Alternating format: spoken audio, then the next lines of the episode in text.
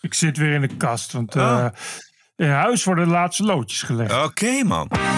This is the TPO podcast. Sophie Hermans weet ook geen uitweg. U noemt aantallen die zijn, uh, die zijn hoog. Um, dat is ook een reden. Nee, ik moet het anders zeggen. Vrouw van sportpresentator houdt zich aan beloften. Maar stel dat er een klacht binnenkomt over Tom Egberts bij jou, bij Morris. Is dat dan een reden om af te treden?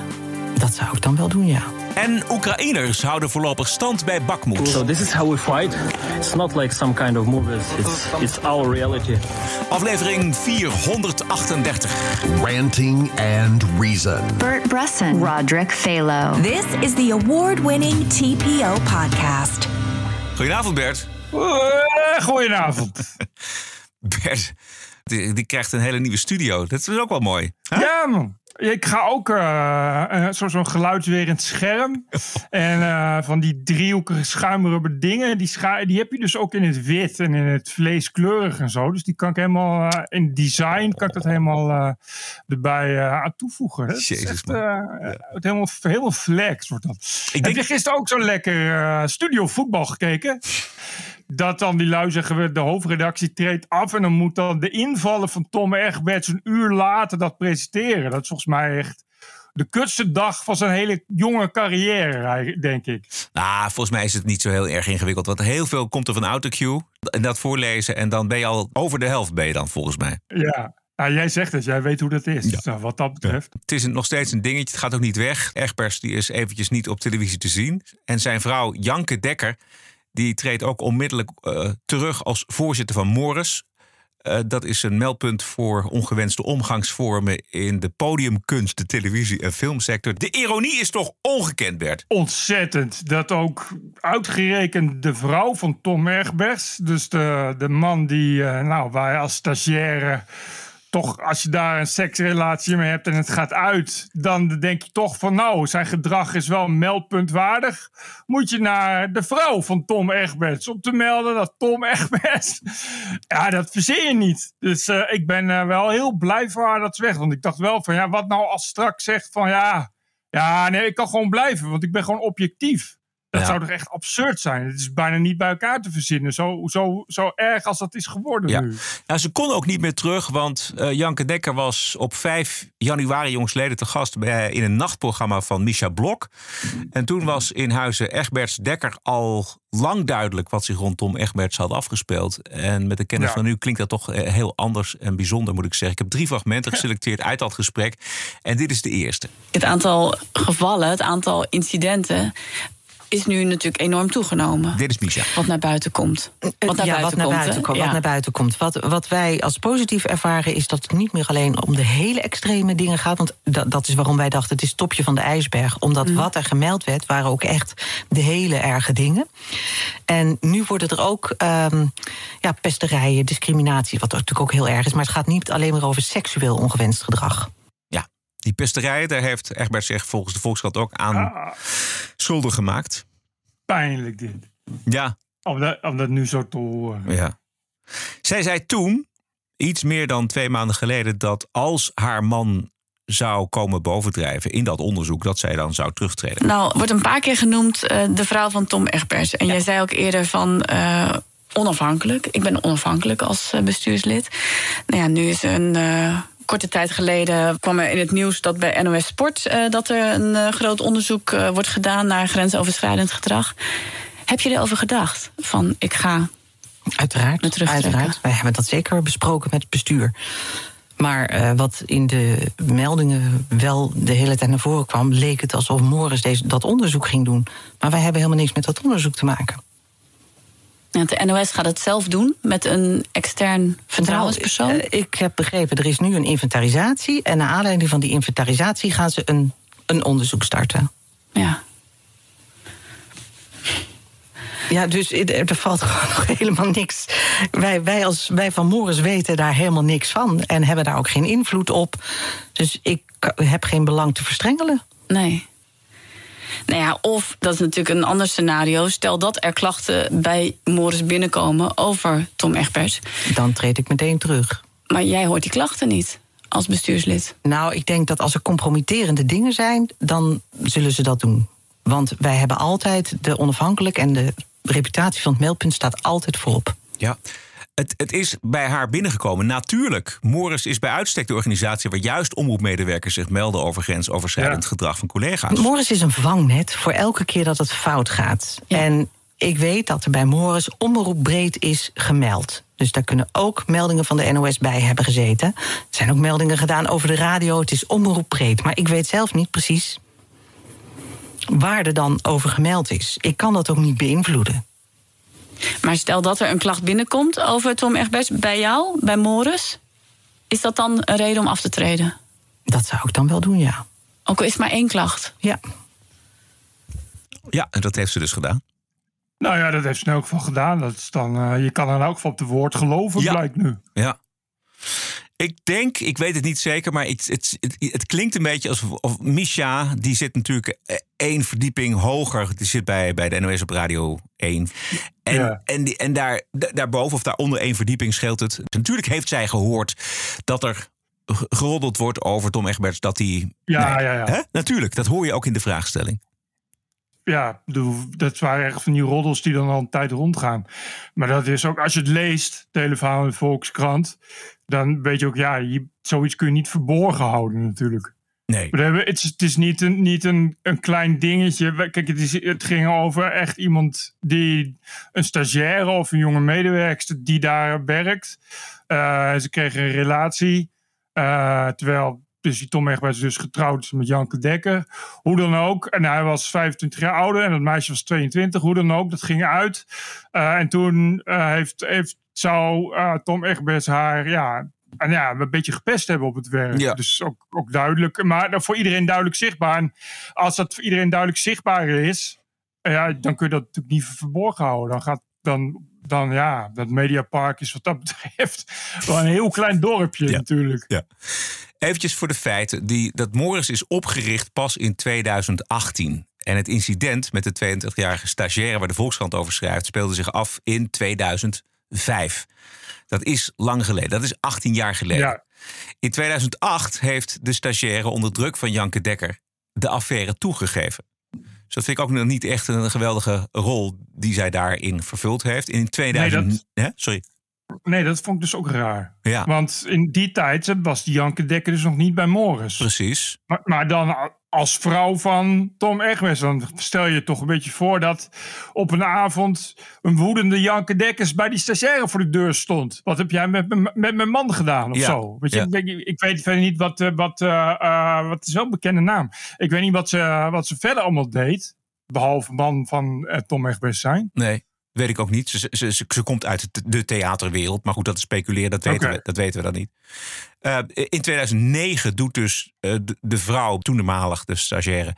een eh, melding bij de hoofdredactie van pestgedrag van Tom Egberts. Het was niet het enige incident waar hij bij betrokken was... maar wel degene waar de Volkskrant dan al uitgebreid over schrijft. Ja. De afgelopen dagen, ik ben benieuwd wat jij daarvan over denkt. Maar ik heb, ik heb wel een aantal nuances. We hebben het over 2005. We hebben het over 18 jaar geleden. Ja. Ja, maar dat vind ik wel. Dat moet, ik- het is wel even van belang te melden dat eh, de hoofdpersoon uit het verhaal is die Aisha. Ja. Ik, ik weet- ben ik van naam kwijt, maar die, die, die is bekend van eh, journaal en sport presenteren en zo. Aisha Die- Margadi. Aisha Magadi, daar is het verhaal over eh, rond, rond wat zij meemaakt, het verhaal gebouwd. Eh, die komt daar als, als nieuwe medewerkster. Eh, en die gaat naar de hoofdredactie en die zegt: Ik wil graag Tom Egbers dat, dat die mijn mentor wordt. Ja. En dan zegt die hoofdredacteur: "Eh, Ja, dat kunnen we beter niet doen. En dan zegt sowieso niet: zegt Ja, Tom Egbers en vrouwen en mooie vrouwen is niet zo'n goed idee. Dus uh, daaruit blijkt al dat die hoofdredactie. En dus iedereen, zeg maar, dat kan bijna niet anders. Al wist van ja, weet je, Tom Egbers en vrouwen, dat is, ja, dat, die doet dingen. Ja. Of daar kun je eh, van alles van vinden. En dat moet je dan allemaal zelf weten. Maar het was dus niet iets, iets onbekends. En dat, is wel, dat moet je wel in ogenschouw houden. Ja. Eh, bij, bij, het, bij elke nuancering die je aanbrengt, is, is wel, het is wel echt bevestigd. Dus ja, dat Tom Egberts staat, wist iedereen al van dat daar iets mee was. Precies, dus je, je ja. bedoelt, het, het is iets wat een, een langlopende periode, bijna chronisch Ja. is bij Tom Egberts. Precies. Eh, en dit geval waar we het dan over hebben, dit, die 22-jarige stagiaire, waar dan uitgebreid over wordt geschreven in de Volkskrant, dat speelde zich dan 18 jaar geleden af. Dus dat is, maar dat is niet het enige geval. Het is een structureel probleem daar op die redactie. Dus dit boel het is allemaal Ja. terecht dat er over geschreven wordt door de Volkskrant en dat er ophef over is.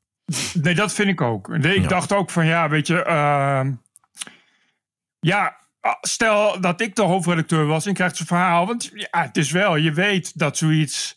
Ja, zo'n Tom Egberts. Ja, je weet dat, dat, dat, dat en die Janke Dekker en eigenlijk al die mensen die worden genoemd. Ja, daar worden ze in elk geval heel erg ongelukkig van. Je maakt wel, eh, ah, mensen gaan daar wel stuk aan en zo. Ja. Maar je kan het niet negeren. Je kan niet zeggen, ja, oh, maar dan ga ik het dus niet brengen. Want ja, het gaat om, om, ja, om zulke bekende mensen en om een om, om publieke omroep. En iets als sport waar, eh, nou ja, jij en ik dan niet, maar de rest van Nederland, eh, zeg maar, alles voor over zou hebben om, om ook te werken, weet je wel. Eh, dus ja, je, je kan dat niet negeren. Dus ik, Nee. ik vind wel ja, dat de Volkskrant daar goed aan deed om dat dan, dan dus te doen. Ja. Omdat het een nos is ook. Ja, ja. ik vind dat trouwens dat- dat de NOS het ook heftig oppakt. Gewoon vo- volledig, weet je wel. Ik zit dan naar Nieuwsuur te kijken. Dan, dan, dan krijgen we het NOS-journaal om tien uur. En dan wordt gewoon bij naam en toenaam iedereen opnieuw weer Ja. genoemd. En je kan, maar dan moet je wel. Ja. Je, je kan niet, als je gaat zeggen, want als je dat niet doet, Ja. dan zegt iedereen ja, hey, Ja. we, de, no- je, maar goed, dat is, het is zo'n grote organisatie dat ook eh, als het binnen NOS Nieuws was, want NOS Nieuws en NOS Sport zijn gescheiden redacties, maar eh, ik denk dat de NOS, ja, op zich, die zijn wel zo professioneel dat zelfs als het met, I don't know, de, de presentator van het 8 uur journaal zo'n verhaal zou zijn, zouden ze het ook brengen. Ja, dan niet in je 8 uur journaal, maar weet je, je begrijpt wat ik bedoel. Ja, ja, je, je kan niet zeggen, oh, ja, nee, maar als het om mij gaat, dan kan ik het niet brengen. Dan- moet je ook professioneel zijn en zeggen, ja, maar dan gaan we het, dan gaan we het ook brengen. Ja. Nou, dat vind ik heel goed ook. Ja, vind ik ook heel goed. Wat ik niet sterk vind van eh, Janke Dekker... dat zij weerwoord geweigerd heeft aan de Volkskrant. De Volkskrant heeft daar meermalen op aangedrongen, begrijp ik. Eh, en eh, Janke Dekker heeft gezegd, dat, eh, dat doe ik niet. Dus dat is een gemiste kans en dat is ni- niet sterk. Nee. Veel mensen die genoemd worden, die hebben wel gereageerd. eh, en zijn ook in het stuk opgenomen, maar dat heeft Janke Dekker niet gedaan. Zij laat nu wel vandaag via een advocaat, Richard Korver, weten, via RTL Nieuws, dat het gezin Egberts politiebescherming nodig had vanwege stolkgedrag. Maar dat is, als je geen weerwoord geeft. Ja, maar dan, ik, ik denk niet dat de Volkskrant eh, eh, dat niet had willen schrijven of zo. Nee. Maar als de Volkskrant meerdere malen, en ik vertrouw de Volkskrant erin dat ze dat keurig doen, meerdere malen om een weerwoord vragen. En jij zegt dat niet, en je, eh, omdat je zegt van ja, ik vertrouw de Volkskrant niet, of welke reden dan ook. Ja, je kan de Volkskrant daar dan niet van beschuldigen. Wat moeten ze dan? Kijk, de Volkskrant, er komt dit verhaal. Iemand vertelt dan Volkskrant. Nou, dan ga je wederhoor halen. Nou, de wederpartij zegt: Ik wil niks zeggen. Ja, oké, wat je wil. Maar dan kun je niet, dan, je, dan zeg je achteraf: Ja, maar het is allemaal heel anders. Ja, maar waarom zeg je dat Ja. dan niet? Ja, precies. En, en nu dus met een advocaat naar buiten. Die, die, die Korver die, die gaat dan via RTL Nieuws zeggen dat het gezin ook in de problemen is geraakt 15 jaar geleden, 18 jaar geleden. Ja, dat Ehm, snap ik allemaal niet. Maar Dat snap ik nee, nee, nee, dat, dat klopt. Dat is niet te snappen, omdat hij het niet goed uitlegt. En Janke Dekker in een persoonlijke verklaring ook niet uitlegt. Want wat is daar gebeurd? Wa- waarom de politie- politiebescherming? Ik, ik begrijp uit het stuk in de Volkskrant dat juist deze stagiair last had van stalkgedrag van Tom Egberts. En dat zelfs de hoofdredactie toen heeft gezegd tegen de stagiair: eh, ga maar naar de politie als het aanhoudt. Juist. Wat een enorm zwaktebod eh is trouwens. Maar goed. Ja. Ehm, en vervolgens eh, laat Korver en Janke Dekker nu vandaag via de pers weten dat hun gezin, zo lees ik het tenminste, slachtoffer is van stalkgedrag. En dan, en, maar van wie is ook niet bekend. Maar ik leg dan de link met, met die stagiair, die, dat die zijn doorgeslagen of wat dan ook. Maar het, Ja. het maakt het er allemaal niet duidelijker op. Nee, het is sowieso niet handig om dan met een advocaat te komen. Nee. Dat snap ik gewoon niet. Eh, de- kijk, je, ik snap dat je, dat kan natuurlijk altijd, dat je zegt van ja, het is 20 jaar geleden of 18 jaar geleden. En het zijn allemaal pijnlijke herinneringen voor ons gezin. En die willen we niet nogmaals ophalen. Dus ik, ik, ik heb er niks op te zeggen. Dat kan, maar dan moet je er verder ook niks over zeggen. Ja. Dit is wel, eh, dit is, dit is, een, is in een vlek gaan wrijven die toch heel groot was, omdat je niks wilde zeggen. En dan kom je ook nog eens een keer met een advocaat. En dan kom je met een verhaal waar, waar, je- waarvan iedereen zegt, oh, maar waar gaat dat dan over? Ja. Want dan, dan zeg je van, oh, dan wil ik daar wel eens meer van weten. Want ja, we hebben ook dus in de Volkskrant gelezen dat of Tom Egberts nou gestalkt werd of niet, duidelijk was dat Tom Egberts eh, nog wel af en toe een enorm haantje was. Want dat zei zo erg dus, dat zelfs die Aisha, want dat stond er ook, dat die, die Aisha zei van ja, ik wil toch Tom Egberts als mentor. En dat die hoofdredacteur eh, uiteindelijk zei, wat er ook gebeurt, je krijgt niet Tom Egberts als mentor. Ja. Dus er was al iets gaande, hoe dan ook, met Tom. Ja, ja. En dan als je dan, als je dan zegt ja, maar wij werden gestokt, denk je, mm, ja, dat is dan wel heel raar. Als het allemaal zo in de Volkskrant staat en jij geen wederhoor wil eh, geven. Ja. Het is heel raar. Het is goed dat ze is opgestapt. Eh, had ze beloofd, dus eh 5 januari jongsleden. Dus dat heeft ze gedaan. Maar het, nee, het, het is nog niet voorbij. En dat is het vervelende voor dat gezin natuurlijk. Want ik, dat kan ik me best voorstellen. Dat dat in huizen Egberts, Dekker een, een vervelende situatie is. Maar die houden ze op deze manier in stand... door geen openheid van zaken te geven. Ja, je, ik, dan moet je gewoon niks zeggen. Weet je, het, is, het, het, gaat, het werkt echt niet als je daarna. eh, dus inderdaad via advocaten gaat laten weten eh, hoe je allemaal stuk zit en eh, dat het allemaal heel anders is. En het, je krijgt heel erg snel de zweem van, van oh ja, hoe zat dat dan? Want dat kan, iedereen kan wel zeggen dat hij gestalkt is, maar wat is dat dan? Krijg je één sms'je of 100.000 of stond ze met een fakkel voor de deur? Wat, hoe, je duwt het dan alleen nog maar verder in de sensatiehoek. Ja. Het is een beetje de vlucht naar voren met zo'n advocaat erbij. En dan dingen roepen. Ja, het is. Het is eh, ik denk, laten we ervan uitgaan dat dat inderdaad voortkomt uit eh, grote frustratie en ergernis en verdriet en ellende in dat gezin. Ik, ik, ik vond in elk geval de reactie van Jack van Gelder beter. Die dan, Ja. die dan zegt van ja, weet je, ja, dat kan, is, is denk ik wel. Die gewoon zegt ja, is denk ik wel waar. Nou ja, goed, dat, dat je inderdaad zegt ja, ik, ik heb het toen anders bedoeld.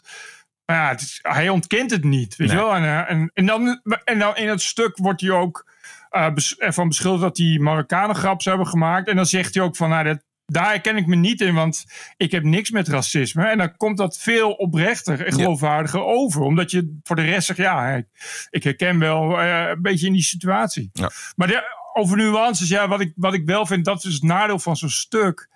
eh, is dat je eh, alleen toch een beetje uitgebreid dat verhaal van die Aisha hoort. Ja. Eh, en je weet, ja, kijk, in werkelijkheid ja, zijn die dingen dynamischer. Juist. En, en ik, wil niet zeggen, die Aisha is ook schuldig, maar het is een dynamiek. Ja. Je, je, Ja. het- het, eh, als je het zo leest, is het, is het alsof iemand helemaal perfect is en op een redactie komt en het allemaal krijgt. Maar in werkelijkheid zijn dingen gewoon ingewikkelder dan dat. Ik heb precies hetzelfde, Bert. Dit was ook mijn nuancering van de afgelopen dagen. Zoals beschreven in de Volkskrant-artikel... is het pestgedrag richting haar 100% niet oké.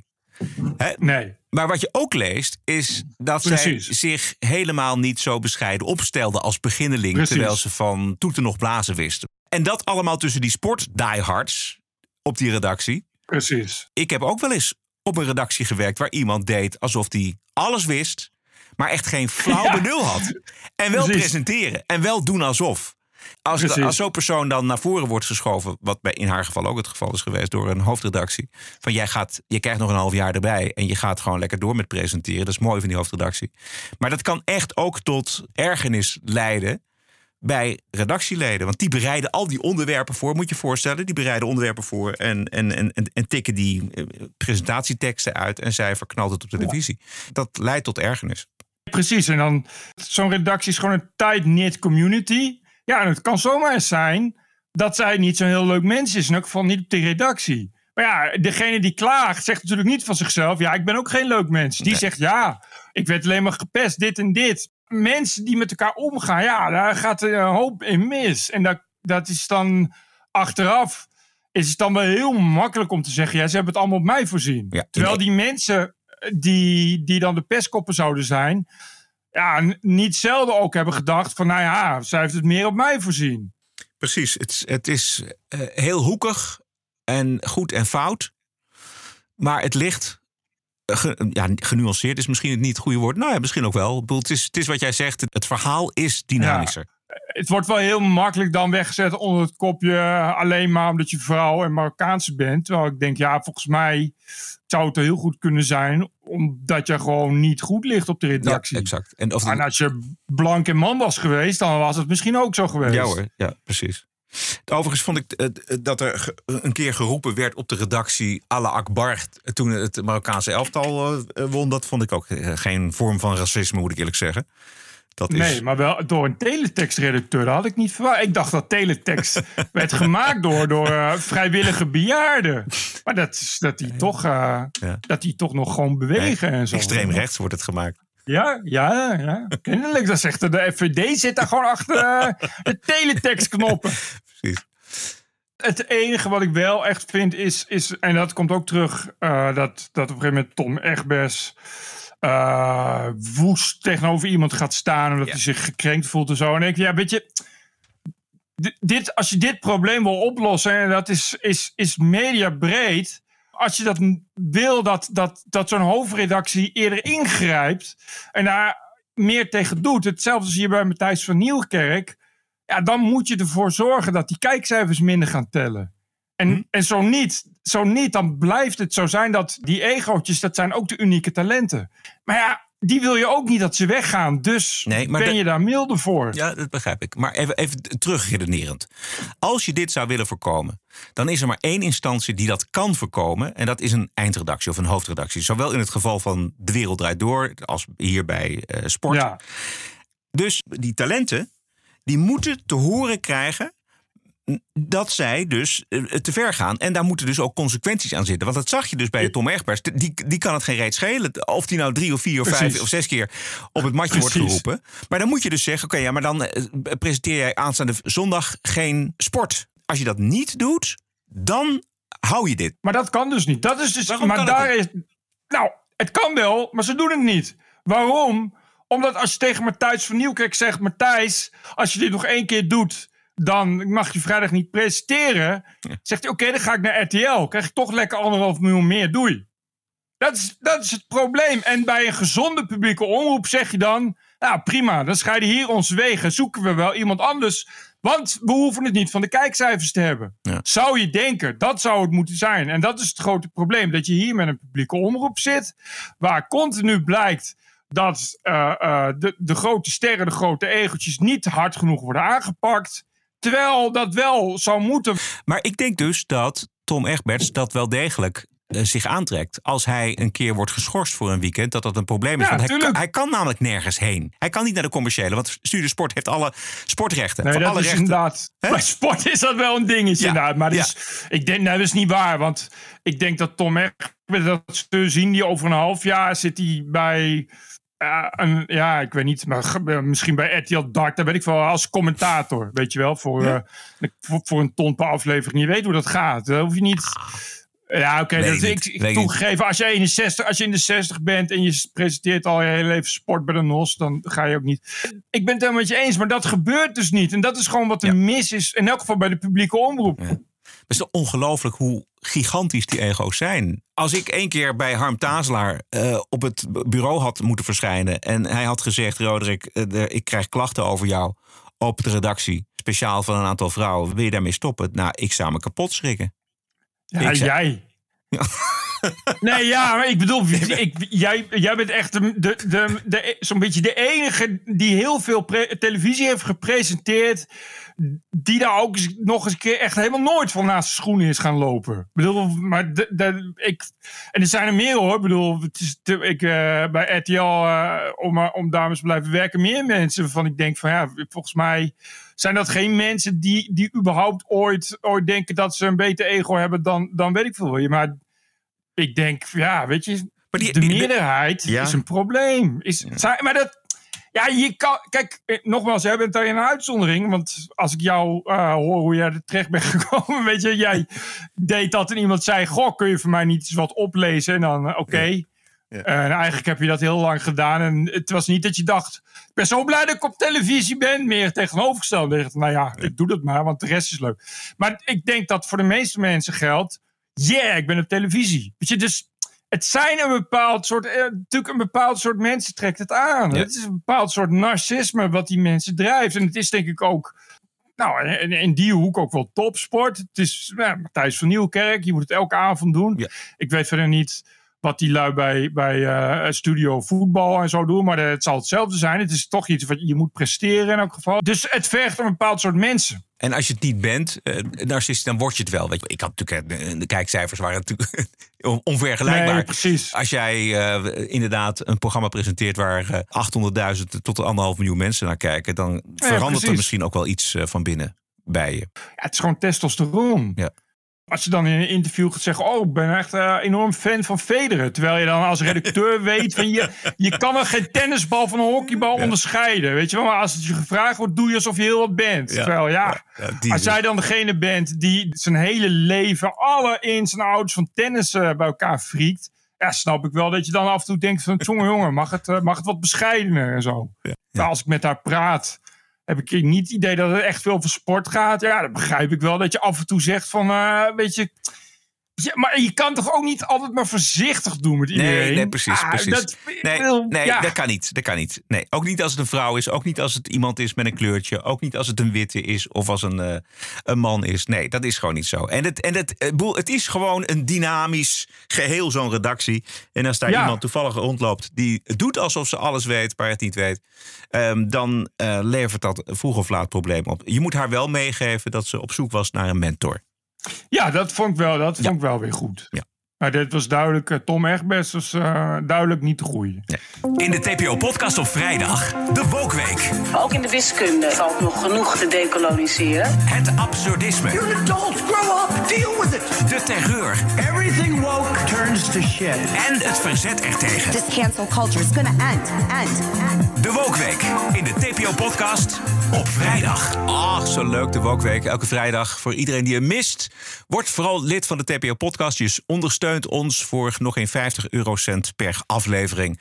Nou, voor het geld hoef je niet te laten. Ben je ook nog verzekerd van de vrijdagaflevering van de TPO-podcast. Woensdag is het zover. Dan zijn we af van de totaal nietszeggende verkiezingsdebatten. Zondagavond het pauwdebat tussen Rutte en Edith Schippers en Klaver en Adje Kuiken gekeken. Eh, Jeroen Pauw, ja, hoe hij ook zijn best deed. Eh, er werd gewoon niet geluisterd naar elkaar. En het waren vooral one-liners en applaus van de opgetrommelde partijprominenten. Ik vond het echt geen zak aan. Ik heb het niet gezien. Waar ging het over? Het ging, Politiek. het ging over linksom of rechtsom. Maar ik denk. Alleen de titel. Ja, ik denk dat. Het, dat was mijn conclusie dat het televisiedebat op deze manier in Nederland voor over is, voorbij is. Want- Dood. Ja. Niemand wordt hier wijzer van. Helemaal niemand. Niemand had er wat aan. Het is Dit een klopt. stupide manier om kiezers te overtuigen. Dit, dit, dit inderdaad. Weet je, het probleem is dat politiek dood is. En televisie ook. Dus politiek op televisie is best wel dood. Dat klopt. Er is geen manier meer, denk ik echt. Nou, er is een manier. Er is een manier, maar het is de vraag of dat ook een Nederlandse manier is. En dat is de manier van de talkshows op de Duitse publieke omroep. Daar Juist. zitten tijdens verkiezingen, maar ook, ook buiten de verkiezingstijd om, er zitten daar gewoon drie, vier, vijf verschillende politici en nog een andere persoon die de ruimte hebben om iets uit te leggen, om nog eens inhoudelijk eh, wordt er dan gereageerd. Er is een presentator die daar goed op toeziet. Dat zijn echt hele zinvolle, inhoudelijke gesprekken en, en ook discussie, ook debat. Eh, daar worden gewoon standpunten Ja. gefileerd. Daar wordt ook de kijker wijzer van. En dat zijn zeer hoog gewaardeerde programma's. Hele andere Ja. koek dan dat hanengevecht in Nederland voortdurend. Niet dat de hele Duitse publieke omroep fantastisch is, maar die programma's in Duitsland hebben ze gerust drie uur lange Tsjechisch pratende filosoof in discussie met een Ja. talkshow, weet je. Ja. Als je dat in Nederland voorstelt, is paniek, want kijkcijfers. Maar in Duitsland zeggen ze ja, maar ja, we zijn een publieke omroep. Ja, Dus precies. we, we doen ook dingen die mensen misschien geen reet aanvinden, maar waar wel wijsheid in zit en Ja. verdieping. Hé, hey, wat gek. Wijsheid en verdieping. Je zou bijna denken dat dat een kernonderdeel van de publieke omroep is. Het was ontzettend vervelend. Bijvoorbeeld, eh, even zomaar out of the blue. eh, Rutte wilde het hebben over kernenergie. Jesse Klaver ging er gewoon omheen. Die ging dan weer naar Shell wijzen. En de grootste vervuilers moeten betalen. En er moet een vliegtax komen, et cetera, et cetera. Maar over kernenergie gaat het dan niet. En Jeroen Pauw gaat ook niet dat erbij halen. Zeg, god, zijn jullie voor of tegen? Jullie zijn tegen kernenergie. Hoe, hoe gaan we dat oplossen met eh, windmolens en met eh, zonnepanelen in Nederland? Nou, dat wordt niet gevraagd. Juist. Zondag zat VVD-fractieleider Sophie Hermans weer zenuwachtig te draaien rond het woordje dwang in de dwangwet. Wat weer duidelijk maakt dat de VVD helemaal geen verhaal heeft ten aanzien van asiel en migratie. Luister maar. Op de korte termijn is het heel duidelijk. Er zijn 75.000 opvangplekken nodig. Dit jaar nog, zegt uw staatssecretaris Erik van den Burg. Zuid-Holland, dat betekent het, concreet, moet van 1800 plekken nu naar 18.500. Hoe ga je dat doen zonder dat je gemeentes ook dwingt met de spreidingswet om die opvangplekken te realiseren? Ja, het vraagt ongelooflijk veel van, uh, van ons land, van provincies en gemeenten. Um, en ik noemde al de 90.000 Oekraïnse vluchtelingen die gemeenten op dit moment ook al opvangen. En daar komt dus nog bovenop de, de asielinstroom. Ja. Um, en het vraagt, u noemt aantallen die zijn, uh, die zijn hoog. Um, dat is ook een reden nee, ik moet het anders zeggen. Op dit moment zie je dat een heel aantal gemeenten niet hun verantwoordelijkheid neemt. Dus er zijn zo'n 200 gemeenten die geen uh, asielzoekers opvangen. Mm -hmm. Met die spreidingswet, die, zo'n zo'n maatregel die we nu moeten nemen om nu dat vraagstuk van die opvang uh, in goede banen te gaan leiden, ja. gaan we zeggen: ja, die 200 gemeenten kunnen niet meer wegkijken. Die moeten ook hun verantwoordelijkheid nemen. Moeten. Die, zeker, het wordt een wettelijke taak dat elke gemeente uh, bijdraagt aan de opvang van asielzoekers. Het kan niet zonder dwang. Nou, dat is, daar beginnen we natuurlijk helemaal niet mee. Come on! Goed gedaan, Pieter Jan. Dit is toch niet te trekken gewoon? Hoe moeilijk is het nou als ja. je nou zo'n beleid hebt? Zeg, zeg gewoon ja, dat is dwang. En ja, ja. Uh, die, al die 250 gemeenten moeten meewerken, want anders is het oneerlijk. Punt. Ja. Wat, hoe moeilijk is dat? Ja, ja, nee, dat is hartstikke. Voor de VVD is het heel moeilijk. We hebben dat uitgebreid in deze podcast geanalyseerd. Dat dwang echt vloeken in de VVD-kerk is. Maar het is dwang. Ze willen dwang. Ze hebben, dat komt omdat loodgieter van de Burg de kraan openhoudt. Ja, maar ik, ik vind echt, als je voor beleid kiest, dan moet je er ook voor gaan staan. Juist. Dit is natuurlijk helemaal niks. Dit is, ik heb beleid, maar ik durf het niet te verdedigen. Ja, dat is het precies. Zeg dan gewoon ja, maar dit is het beleid waar we voor hebben gekozen. We hebben ook een congres gehad. Meerderheid van de leden staat hierachter. Punt. En uh, gemeenten die doen. Uh, uh, we, hebben, we zitten met een probleem, namelijk zoveel, duizend, zoveel honderdduizend asielzoekers. En uh, heel veel gemeenten willen die niet opvangen. Nou, dan gaan wij van de VVD verandering in brengen. Door die gemeenten te, te dwingen ze wel op te vangen. En het voordeel daarvan is. Is dat het alles eerlijk wordt verdeeld. Ja, en een nadeel daarvan is, is dat het dwang is. Maar er zit nu even niks anders ja. op wat de VVD betreft. Ja, ja. Punt. Ja, en weet je wat zo grappig is? Iedereen weet dit. En dan zie je op televisie de fractievoorzitter van de VVD daar omheen draaien. Dit is de reden waarom Caroline van der Plas de grootste wordt. Juist. VVD mist, mist Rita Verdonk op dit moment, zou ja, ik maar zeggen. Dat zou maar kunnen Weet je, gewoon iemand die zegt van... Uh, ik weet dat jullie het allemaal kut vinden, maar uh, ja, ik moet het uitvoeren. Dus hé, hey, we gaan het gewoon doen. Als de dwang er überhaupt nog komt, en ook al komt hij er... Dan wordt het uh, oorlog met de gemeente.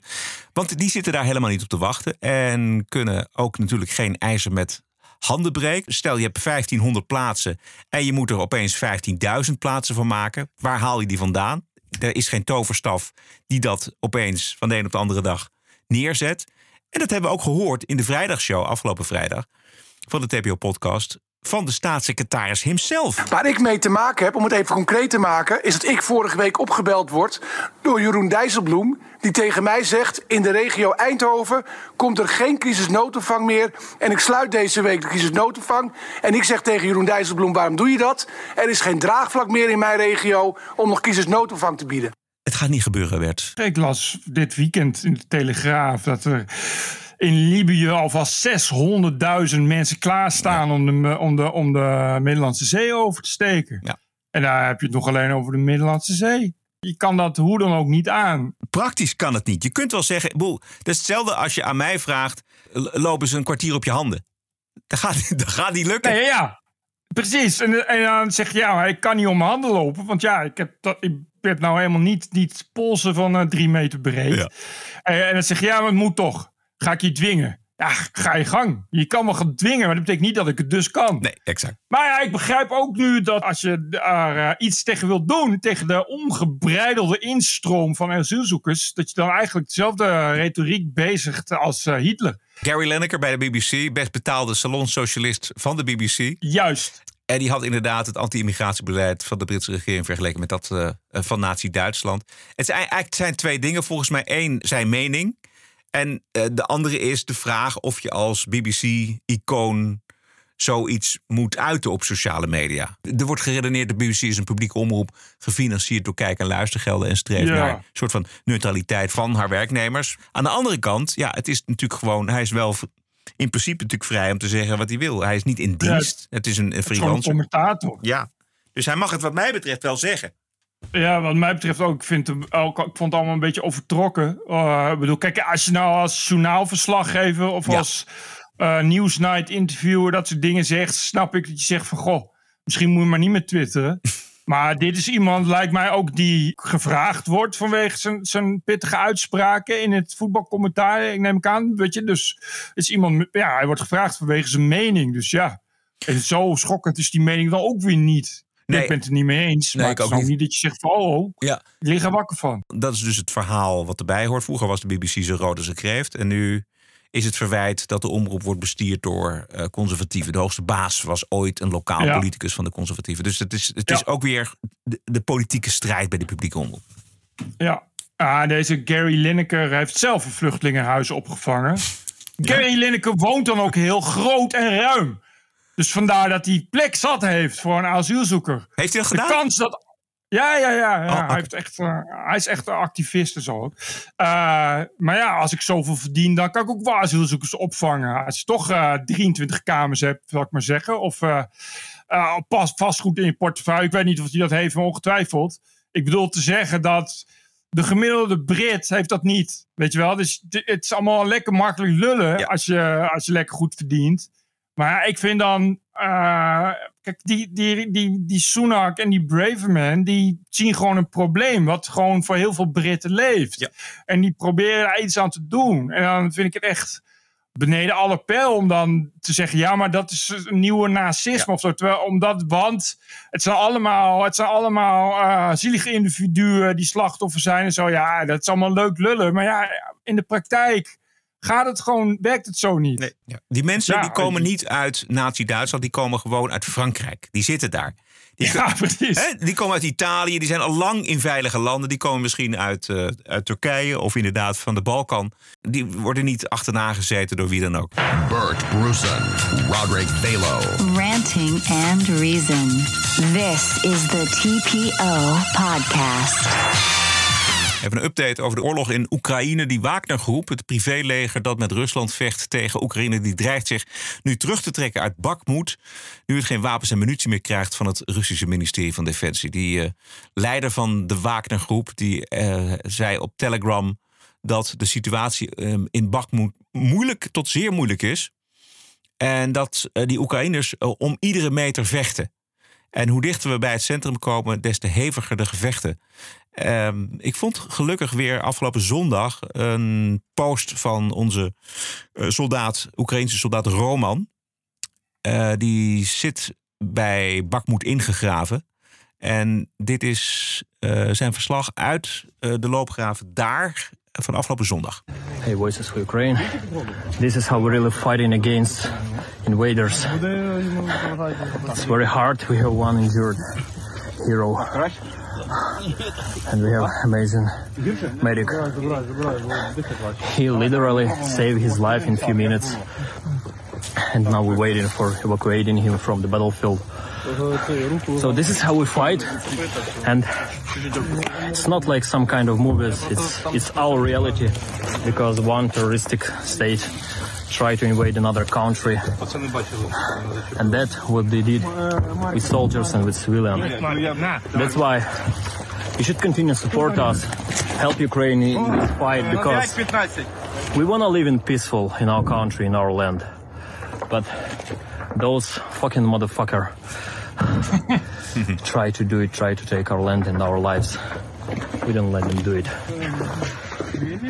So guys, be on touch and wish good luck to our hero. I try to show him. Yeah. Ja, er ligt daar dus iemand op de grond. eh, ja, het wordt gevochten voor zijn leven. En hij eh, omringt zich met allerlei andere eh, mensen in die loopgraven daar bij Bakmoed. Ja, damn, wat een bikkels zijn dat. hè? Ongelooflijk. Gewoon ook niet opgeven. Gewoon met doodsverachting gewoon die strijd blijven voortvoeren. Ja. Eh, volgens een Russische militaire blogger eh, deserteren gewone soldaten uit het Russische leger.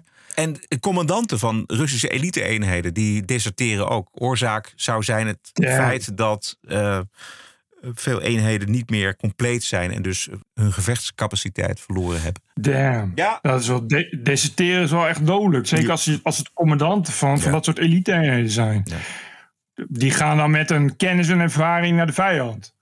Ja. Dat is het laatste wat je wil. Je hebt ze nog liever dood dan dat ze overlopen. Maar dat zat ik ook al te denken. Van ja, die, eh, die Wagner, die komt wel steeds meer in het nauw door Poetin. Maar ja, straks dan eh, zegt hij van oké, laat ik me... Ja, het is gewoon eh, een huurlingen zijn dat. Die zeggen dan gewoon op een gegeven moment van oké, dan laten we ons betalen de Oekraïne. Het maakt hun niet uit verder, als ze maar geld krijgen. Ja, Dan heb je dat je, zou je je zeggen, ja. eigen, je eigen huurlingenleger tegen je. Poetin zet nu die, die, die Kensal-raketten Oh, ja. in. Die gaan, eh, wat is het, eh, Mach 11 of zo. Dus dat, is- dat is zo, zo snel dat je ze niet kunt, niet kunt neerschieten. En ze zijn ook heel wendbaar. Alleen het is heel raar. het- De, iedereen vraagt zich af waarom hij dat doet. Hij heeft er waarschijnlijk enkele tientallen. Eh, en het is dus obviously extreem duur om ze te produceren. En het gaat maximaal. Ze zijn ook nucleair geschikt, maar overduidelijk zit er geen atoombom in. Maar een gewone, dat is maximaal eh, 500 kilo. En een 500 kilo bom, die had je in de Tweede Wereldoorlog al. Een gemiddelde propellervliegtuig kan, kan al een 500 kilo bom gooien. En ja, als je zo'n bom op een huis gooit, is je huis plat. Maar ja, wat heb That's je it. daar aan dat met, met... Ja, that's it. Je hebt er, dus iedereen, want hij doet er ook niks mee. Hij gooit ze op gewoon op willekeurig lijkt het woonwijken en, en eh, energiecentrale, gewoon om, om eh Oekraïners te pesten. Ja. Maar waarom zet je dan die dingen in? Weet je, dat is wel een, een duur grapje. Voor, voor, voor dingen die je ook nog, waar je er ook nog eens een keer een paar van hebt. Dus het is de vraag wat hij wat die daarmee wil be- bereiken. Dus het meest waarschijnlijke is dat hij eh, wil laten zien dat hij ze heeft. Omdat de Amerikanen krijgen het niet voor elkaar om ze te maken. Pijnlijk genoeg. Eh, wat heel raar is, je zou toch denken dat de Amerikanen met research en development toch voorop lopen. Maar Als ze komen niet verder, niet verder dan Mach 5 de hele tijd. Dus, dus eh, het, is, het is natuurlijk Poetin alles waard om te laten zien wat hij in huis heeft. Ja. Omdat hij nou eenmaal van zijn grandeur wil genieten. Maar het, het is opmerkelijk dat hij ze nu inzet. Om, omdat het is zinloos. Het is echt, echt zinloos om die te gebruiken. Echt waar? Ik bedoel ook om. Je kan toch daar meer explosieven mee sturen Nee, en dan. Nee, kan dat niet? Het enige ze echt nuttig voor zijn, is, is dat er een kernkop in kan. Oh. Dan ben je dus behoorlijk bedreigend, omdat je dan een raket hebt die je op korte afstand kunt inzetten, 2000 kilometer vanuit het vliegtuig. Waarvan je weet, ja, die kun je niet neerhalen. Dus op het moment dat ze die schieten, ben ik lul. En dat is de, de kracht van dat ding. Ja. Maar eh, gewoon een conventionele explosieven, ja, die kun je gewoon met elke raket kun je die vuren. Dus daar hoef je niet zo'n ding voor in te zetten. En dat, dus, dus het, zegt, het geeft een beetje aan hoe het voor staat bij Poetin. Hij wil gewoon graag, ja, dit, he, dit, dit heb ik, dit kan ik maken. Maar ja, het is... Het is Want hij heeft ook... Ja. eh, Weet je, er viel ook relatief, weet je, eh, zes of zeven doden vallen er dan. Terwijl een hele barrage. Het is een eh, enorm arsenaal raketten stuurt hij, waar dan nou, een gedeelte wordt uit de lucht gehaald.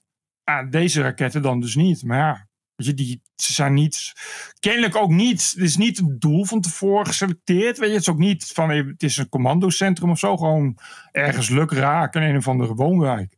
That's it. Het moet- Dat wordt wat met het eh, lenteoffensief daar. Ja, omdat hij dan ook, ja, hij is, hij is er bijna doorheen, weet je wel. Ja, hij heeft er, ja, 30, misschien 40 heeft hij er. Ja, dan zijn ze op. Dus als hij ze straks echt nodig heeft, dan heeft hij ze niet meer. Week de TPO-podcast op dinsdag en op vrijdag. Twee keer per week. Ranting and Reason. Al vijf jaar lang op dinsdag voor noppes. En dat blijft ook zo. Maar de vrijdagshow is nu exclusief voor leden. Voor 4 euro per maand of 40 euro per jaar. De TPO-podcast. Twee keer per week en maar één keer betalen. Elke week de vrijdagshow voor maar 4 euro per maand. Keep the show running. Ga naar petje.af slash TPO-podcast. Don't miss. Afgelopen vrijdag hebben we het eh, uitgebreid gehad over het voorschot dat FVD neemt op het grote verlies van aanstaande woensdag. Eh, De grote belofte van vier jaar geleden, het redelijk rechtse geluid, waar helemaal niets meer van over is. Nieuwsuur die had daar zaterdag een mooi overzicht van gemaakt. Dit is Baudet op de avond van de verkiezingsoverwinning vier jaar geleden in 2019. We zijn de politiek ingegaan omdat we dingen willen veranderen, omdat we willen meebesturen, omdat we een echte koerswijziging willen realiseren. En ik begrijp dat je daarvoor ook moet samenwerken. Heel veel mensen in Nederland hebben ons hun vertrouwen gegeven en dat vertrouwen dat gaan wij niet beschamen. Dit is een, een totaal andere Baudet. Geweldig. Goed gedaan, Thierry. Ja. Mooi, echt mooi gewerkt. Dit is dezelfde man afgelopen zondag. Het is de ene laatste campagnebijeenkomst. We gaan nog een aantal dingen doen tot woensdag. Tot woensdag 9 uur s avonds blijven wij campagne voeren. Wij stoppen pas met campagne voeren op het moment dat de stembussen gesloten zijn en het grote vervalsen begint. Het grote vervalsen begint dan. Ja. Oftewel, hoe een grote belofte radicaliseerde tot een losgeslagen fantast. I believe that we are being governed by a global conspiracy of evil reptiles. Ja. Blijven eh, drinken, Thierry. Blijven drinken. Goed. Tot zover dan. Ja, dit was het. Elke dinsdag en vrijdag online via je favoriete kanalen. Vergeet je abonnement niet voor de vrijdagshow. Je steunt de TPO-podcast voor al minder dan 50 eurocent per aflevering. 4 euro per maand. En je krijgt daarvoor dus twee keer per week de podcast met in die vrijdagshow natuurlijk de one and only Woke Week. Ga naar tpopodcast.nl. Doe jezelf een plezier en doe ons een plezier. Veel dank. Stay cool. En tot vrijdag. TPO Podcast. Bert Bruson, Roderick Balo. Ranting and Reason. Voorzitter, ik heb niet gelogen. Podcasting is the TPO podcast in the Netherlands. Bert and Roderick. What a show. I'm telling you. Keep the show running. Go to tpo.nl slash podcast. Thank you.